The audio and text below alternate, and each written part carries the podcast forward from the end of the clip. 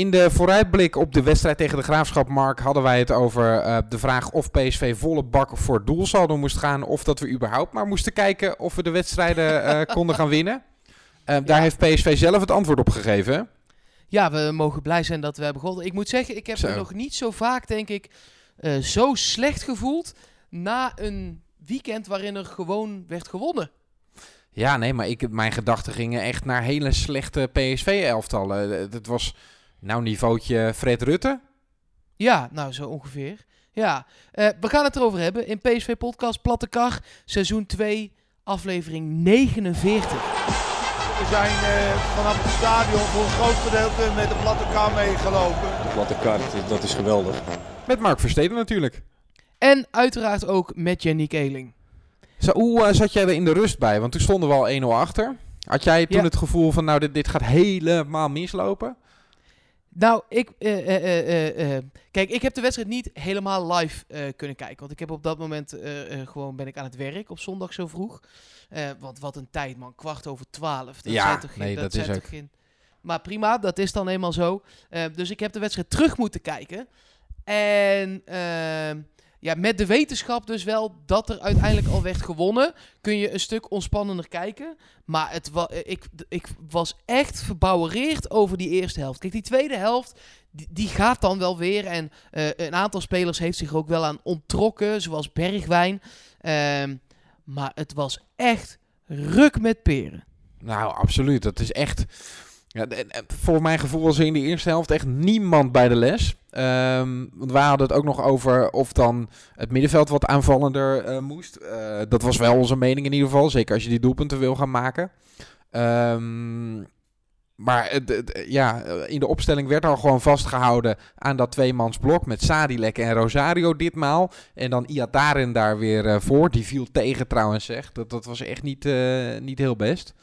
Ehm, ja, en, dan, dan, dan, dan laat je eigenlijk de graafschap gewoon helemaal komen. Want eh, in, de, in het eerste kwartier lagen we gewoon vol onder druk. Ja, ja en wa- wat het bizarre is, is dat als je de hele wedstrijd gaat kijken op dat kwartiertje dan na, de graafschap was echt slecht. Maar PSV ging mee in dat tempo, in dat spel, Ja. in de foute passes, Yannick, die ik heb gezien. Ja, dat vooral. Oh, oh, oh, Ja, oh, nee, oh, eh, man, ik heb me echt... En dan wist ik dat we gingen winnen. Ik zei net, je kunt dan een beetje iets relaxer kijken. Maar toch, ja, weet je, je zit je toch op te winden. Ondanks dat je op in, in je achterhoofd weet, eh, dit wordt nog 2-1. Gelukkig. Eh, ja, het, het was gewoon... Het was echt slecht. Laten we, want dat hebben we bij deze dan ge- geconcludeerd. Het was echt slecht. Ehm, laten we eens. eh, eh, eh, ik, ik wil eens een balletje bij je opgooien. Omdat ik dat op, Twi- ik Oké. op Twitter zag dat een aantal keer voorbij komen. Toen ging ik terugkijken. Toen dacht ik. Misschien zit hier wel wat in. Onder andere Edgar Insha, die we wel eens hebben gesproken. Ook voor deze podcast. Hè? Eh, Die Hard PSV supporter, die zag ik tweeten. Ja. Als elke keer de nummer 10 niet uit de verf komt, ligt het dan wel aan de nummer 10? Of ligt het aan A, de andere spelers, of B, dit systeem?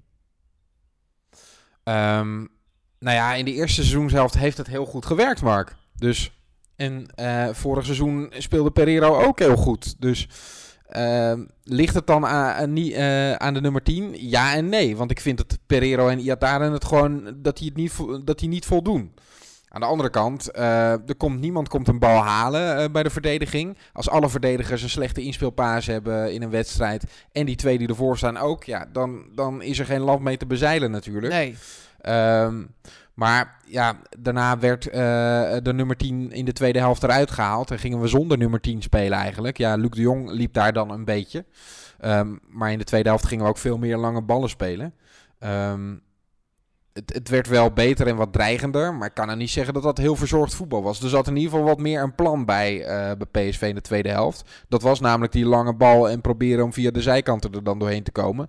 Maar in de eerste helft, inderdaad met de nummer 10, dat, dat lukte totaal niet. Nee. Maar of dat dan aan het systeem ligt of aan de nummer 10, ik vind eigenlijk gewoon allebei. Waarom, waarom, waarom zijn we, PSV, niet gewoon gestart met twee aanvallende middenvelders? Ik weet het wel. Eh, van Bommel is een man die di- van dit systeem houdt. Eh, dat heeft hij gekregen uit zijn speeltijd. eh, in- onder andere in Duitsland en Italië. Hij heeft natuurlijk een adviseur die tevens zijn schoonvader is, die tevens het redelijk aardig heeft gedaan op een WK met dit systeem. Dus hij zal het niet zo snel weggooien. M- maar je moet echt dingen om gaan gooien. Nick Rosario is al weken beroerd. De backs komen veel minder op dan in de eerste seizoenshelft. En dat, dat kan vermoeidheid zijn, maar een aantal keer aansluiten zou toch moeten kunnen. Eh, het centrale duo is ineens hun inspeelpaas kwijt. Terwijl dat van zowel Viergever als Schwab een van hun betere punten moet zijn. Want verdedigend is, is het niet eh, eh, iemand van twee meter. Is het niet een Virgil van Dijk-achtige types zijn het natuurlijk. Eh, het, is, het ligt toch gewoon aan, aan alle spelers samen. Het is, niemand haalt zijn niveau van voor de winterstop. Niemand. Nee. Kijk, als je ehm, eh, de vergelijking trekt met de elftallen waarin dan succes is geboekt met dit systeem, eh 4-2-3-1 zeg maar, eh, met een nummer 10, dan was de nummer 10 vaak gewoon by far de beste speler. Ehm, en dan kun je daar een elftal omheen bouwen. Dat is een cruciale positie. Maar als die positie onder druk staat en je hem als trainer ook nog verder onder druk gaat zetten door elke keer maar te wisselen, ja, dan krijgt er niemand krijgt daar op die positie vertrouwen. Ja, en dan gaat het ook niet zo. Ehm, Maar wat moeten we doen dan Dus- nu? Zeg het maar. ik, nou, de enige die ik met vertrouwen vond zien spelen was Malen. Dus ik had het heel logisch gevonden als die was gestart. Voor?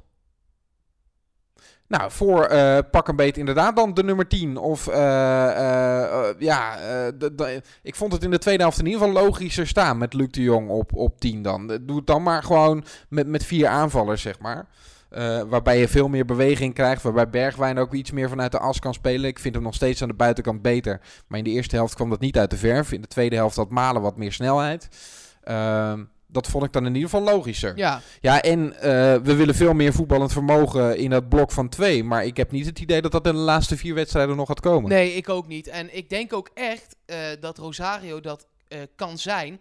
Maar dat komt er gewoon de afgelopen tijd gewoon niet zo uit. En wij wilden hem ook met z'n tweeën heel veel krediet geven. Nou, inmiddels heeft hij heel veel krediet gehad. Ehm, maar voor een international van het Nederlandse elftal verwacht ik meer dan wat Rosario eigenlijk de hele tweede seizoenshelft al. Soms wel vlagen echt goed hoor, nog steeds. Ik, je ziet gewoon dat hij, eh, als hij nog één of twee jaar krijgt, echt een fantastische controlerende middenvelder met voetballend vermogen gaat zijn. Eh, maar op dit moment is het gewoon net te kort. Ik weet dat Van Bommel hem gaat laten staan de komende vier wedstrijden. Dus hup Rosario. Eh, maar hij is wel het toonbeeld van... eh, eh, kijk, hij moet die passes geven naar zo'n nummer 10, weet je wel. En dat komt er gewoon niet uit. Het is allemaal slordig. Nee. Nee, kijk, ehm, wat ik dan ook wel opvallend vind is... in de eerste seizoenshelft ging alles van Rosario ging, eh, naar iemand van dezelfde kleur en vooruit gespeeld. Ehm, nu kwam die 1-0 van de Graafschap kwam uit een foute paas die hij eigenlijk gaf. Die leidde de aanval in. Ehm, maar wat, wat ik ook opvallend vind is dat dan hij wel elke keer kan blijven staan. Wat ik goed vind overigens hoor, want eh, ik zou Rosario ook laten staan. Maar waarom? Maar dat het dus op hij de, speelt slecht. dat het dus op de, dat het op de nummer 10 positie dan niet kan. Dat daar dan wel elke keer gewisseld wordt. Je moet toch op een gegeven moment dan of ga dan iedereen eruit gooien en, en, en ja, eh, eh, kijk dan maar hoe je het doet. Eh, maar als er toch geen touw meer aan vast te knopen is, dan kun je beter alles omgooien. Of hou vast aan een elftal. Dat is allebei niet gebeurd bij PSV. Nee, maar waarom zou je Rosario laten staan als hij slecht speelt? Je kunt dan toch ook een keer Hendrik Sadilek proberen? Of Nee, ja, dat is ook zo. Maar ja, ik, ik denk gewoon dat, dat er van Rosario wel... Kijk, ik heb hem ook nog wel de afgelopen weken af en toe een wel aardige wedstrijd zien spelen. Ik denk niet dat het zo vernietigend slecht is dat hij nu uit de basis hoort. Er zijn andere spelers in mijn opinie die veel meer in aanmerking komen voor een Nou? wissel. Nou, Dumfries bijvoorbeeld. ja, maar voor wie? Ja, dat is het probleem. Ik, ik las mensen vragen om Beach halverwege de wedstrijd. Nou, dan is het wel heel treurig ja, hoor. dat moeten, we, dat moeten we wel echt diep gezonken zijn. want Die kan er echt niks van. Ja, nee, maar we hebben gewoon eh, geen, geen echte reserve rechtsback. Ja, Jordan These, maar die komt niet echt in aanmerking voor heel veel minuten. Eh, dus dat vind ik heel kwalijk. Dat je het seizoen in bent gegaan met wat jongens die eh, hun eerste echte eredivisie seizoen spelen. En dat je daar geen adequate achtervang voor hebt. Dan moet eh, PSV en dan denk ik ook nu aan eh, John de Jong eh, zich wel bij achter de oren krabben, vind ik. Ja, eh, hun eerste eredivisie seizoen. Dumfries heeft natuurlijk Herenveen achter de rug. En Angelino, NAC, maar dat, zijn, dan, dat hè? zijn niet... Ja. Ja, precies. Dat zijn toch... eh, niet de ploegen waar de drukker zo hoog op staat als bij PSV. Eh, en je 34 wedstrijden op rij eh, voor een kampioenschap aan het strijden bent. met daartussendoor nog heel even Champions League. Voor beide zijn daar interlands bijgekomen. De beker, daar lagen we dan relatief snel uit. Maar een seizoen in, op dat intentieniveau, eh, intensiviteitsniveau moet ik zeggen. dat is voor beide inderdaad natuurlijk wel nieuw. Ja, daar heb je wel gelijk in. Ja. Kunnen we Ja. ze dan kwalijk nemen? Ehm, die jongens of Ja. eh, eh, de rest van PSV? Nee, ja, die jongens niet. Ehm, eh, al denk ik, eh, ja, maar dat, dat ligt ook niet aan, aan Dumfries bijvoorbeeld. Maar dan moet je in ieder geval je verdedigende taken goed uitvoeren. En dat was bij die 1-0 van de Graafschap ook niet aan de orde. Dan denk ik, waar sta je voor? Is dat echt puur en alleen om die voorzetten te geven? Zorg er dan voor dat je het achterin zo goed hebt staan dat Dumfries zeg maar af en toe het verdedigend kan laten liggen. Maar volgens mij stond hij gewoon nog steeds echt rechtsback. Ja, nee, ja, helemaal mee eens. Dus eh, ik ben heel benieuwd hoe Mark van Bommel dit gaat oplossen. Ik ben bang eh, dat hij gewoon met precies dezelfde formatie zal blijven spelen als in formatie eh, eh, 4-2-1-3. 4-2-3-1. Het is maar net hoe je het wil noemen. Ja. Eh, ik denk dat hij gewoon zo zal blijven eh, spelen die laatste vier wedstrijden. Ehm, want uiteindelijk, kijk, eh, we mogen nu concluderen, er moet een intens wonder gebeuren, nog groter dan in 2007, willen we het op doelsaldo nog gaan redden. Eh, ik denk dat we Ja, dan- nee, dat, dat kunnen we wel afschuiven kunnen nu. we We hadden ook al in de vooruitblikkende podcast hadden we al gezegd... als het gat groter wordt dit weekend, eh, dan zijn we daar redelijk klaar mee. En dat is het geworden, dus laten we daar niet al te veel meer over hebben, Ja, toch? nee, dus als we heel even de, de huidige sponsor Energie Direct ehm, voor heel veel groene stroom willen gaan laten zorgen, zodat in Groningen mensen eh, allemaal niet meer zo trillen en eh, de andere sponsor Philips even iedereen in eh, Groningen een nieuwe televisie wil geven om ze een beetje op te naaien voor de wedstrijd tegen Ajax volgende week, dan mag dat van mij, want ik denk dat dat, dat wel Hè, Groningen uit en Utrecht thuis zijn nog twee wedstrijden voor Ajax waarin het zou kunnen dat ze punten laten liggen. Ja, da, da, Ja. daar moeten we dan maar hebben ze nog? Ja, Misschien dat die Sloetski nog iets geks doet. Het is wel in de arena, maar... eh, laten we het hopen. Ja. Nou ja, kijk, normaal gesproken, eh, als je het programma zo bekijkt, eh, ehm, dan wordt het voor PSV, wordt ADO op papier de enige makkelijke wedstrijd. Ja. Ehm, waarbij Heracles dan een thuiswedstrijd is. En ik had tot de wedstrijd tegen de Graafschap het gevoel dat elke thuiswedstrijd redelijk eenvoudig gewonnen werd. Maar ook daarvan kunnen we dus niet meer uitgaan. Ehm, dus ja, het, het, het worden voor ons echt ook nog heel vier hele zware wedstrijden, denk ik. hoor. Ja, daar ben ik ook bang voor, uh, Yannick. Uh, het wordt alle, uh, want we hebben het nu, dan moet Ajax punten laten liggen. Maar uh, wat wij steeds hebben gezegd, wij zijn daar redelijk realistisch in geweest, denk ik. PSV moet het ook nog maar eerst eens winnen. Allemaal. En dat Ja. is nu maar weer ik hoorde, gebleken. ik hoorde dat Daniel Schwab na afloop van de wedstrijd in het supportershome heeft gezegd... als wij vier wedstrijden winnen, dan zijn we kampioen. Ja. Vind ik nogal een uitspraak. Ja, vind ik ook een uitspraak. Want uh, dat, ja. ik, vind, ik vind dat ook niks voor, voor PSV. Ik vind sowieso de laatste tijd dat zowel op het social media account van uh, PSV als uh, fans...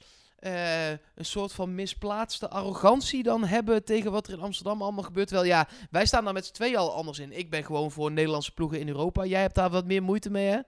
Uh, ja, absoluut. Nee, ik ga, ik ga ze niet toejuichen als ze doorgaan. Maar uh, ja, ik, ik kan wel gewoon zeggen dat ze heel erg goed uh, voetballen. Ja, en, en, maar ook echt... ja, ik weet, ik, er hangt een soort verkeerde sfeer of zo. Wij moeten gewoon die nuchtere ploeg blijven die nou eenmaal gewoon altijd alles wint. Dat, dat, dat, dat, ja. dat vind ik veel lekkerder of nou, zo. In, in, in die zin zei Henk de Jong nog wel iets interessants over Mark van Bommel. Uh, want volgens hem had de buitenwacht het heel erg aangewakkerd dat er wel even met 8-0, 9-0, misschien wel 11-0 gewonnen zou worden van de graafschap. En daar heeft Van Bommel het niet per se over gehad. Hij heeft iets over het doelsaldo gezegd. Dat het wel een mogelijkheid was om kampioen te worden. En uh, dat hij niet kon ontkennen dat PSV op Ajax achter stond. Uh, maar hij heeft nooit gezegd dat de graafschap kanonnenvoer zou, uh, zou zijn, zei Henk de Jong. En ja, wat dat betreft is Mark van Bommel dan wel weer onverstoorbaar. Al denk ik volgens mij had PSV wel gewoon vanaf het begin volle bak kunnen gaan. En veel meer dan nu gebeurde. Ja, nou, uh, Mark van Bommel uh, heeft gezegd, zoals we het nu achteraf hebben begrepen. Uh, met een grote uitslag winnen kan als je oranje bent dat tegen San Marino speelt. Daar zijn, eh, hebben alle media de quote gestopt. Waardoor het lijkt alsof hij zegt... Ja, tegen hele slechte tegenstanders kun je heel veel doelpunten halen. Alleen Mark van Bommel heeft daar meteen achteraan gezegd... Maar de graafschap is geen San Marino. Alleen ja, als je, als je Nee. dat stukje weghaalt... Ja. dan lijkt het net als... Hij had er zelf een keer met 1-0 of eh, 11-0 van gewonnen, eh, had hij gezegd inderdaad. Ja. Ja. Nee, kijk, ehm, als het tegen de Graafschap niet lukt om een hele grote uitslag neer te zetten, eh, dat kan natuurlijk een keer gebeuren, maar dan moet je niet verwachten dat het eh, pak een beet ehm, tegen Heracles en tegen AZ en uit bij eh, Willem II, dat dat maar even gaat lukken. ADO vind ik ook nog een ander verhaal. Eh, daar hebben we begin dit seizoen ook een zevenklapper tegen neergezet. In een thuiswedstrijd zou dat misschien kunnen, maar het is gewoon niet genoeg. Nee, want het verschil is inmiddels opgelopen van 9 naar 12. Ehm, wat betekent dat je elke wedstrijd die er nog komt drie doelpunten meer moet maken dan Ajax. Eh, niks is onmogelijk, maar eh, in- we moeten ook kijken naar de vorm waarin PSV verkeert. En dan zouden we het toch rap moeten omdraaien. Ja, nogmaals, eh, we moeten die wedstrijden gaan winnen. Alle vier de wedstrijden moet PSV winnen en dat wordt al zwaar genoeg. En ehm, nou ja, eh, eh, hopen en duimen, een beetje tussen hoop en vrees in is dit. Eh, de- ja, Ja, eh, ik eh, las ook iemand die zei, eh, we moeten maar heel veel kaarsjes gaan aansteken. En ehm hoop putten uit de eerdere eh, narrow escapes die we hebben gehad. Want daar zijn wij dan wel weer goed in, hè? Nou, dat, ik, ik, ik noem een 2007. eh, ik noem een Pek Zwolle uit de graafschap uit Ajax op de laatste speeldag. Ehm, we kunnen dit. En dat, dat is ook wel. ehm, kijk, als fan moet je je ook. Het gaat op dit moment niet super goed. En dat is, ben ik nog zachtjes eh, uitgedrukt. Maar PSV is wel een ploeg die in wedstrijden heeft laten zien tot het laatst eh, te kunnen strijden. En ik denk dat ze dat in de competitie ook kunnen. En daar moeten we ons wel echt aan vasthouden. Dat de wil er in ieder geval nog is. Dat zie je ook echt wel, eh, vind ik. Ehm, en die wil is er tot het einde. Dus PSV kan op vechtlust heel veel bereiken. En nou, als ze bij eh, Juventus even twee Ajax een klein tikkie zouden willen geven. wie weet wat er allemaal nog kan gebeuren, Yannick. Ja, het worden nog eh, vier hele spannende wedstrijden voor ons in ieder geval. Eh, we moeten gewoon hoop houden, klaar.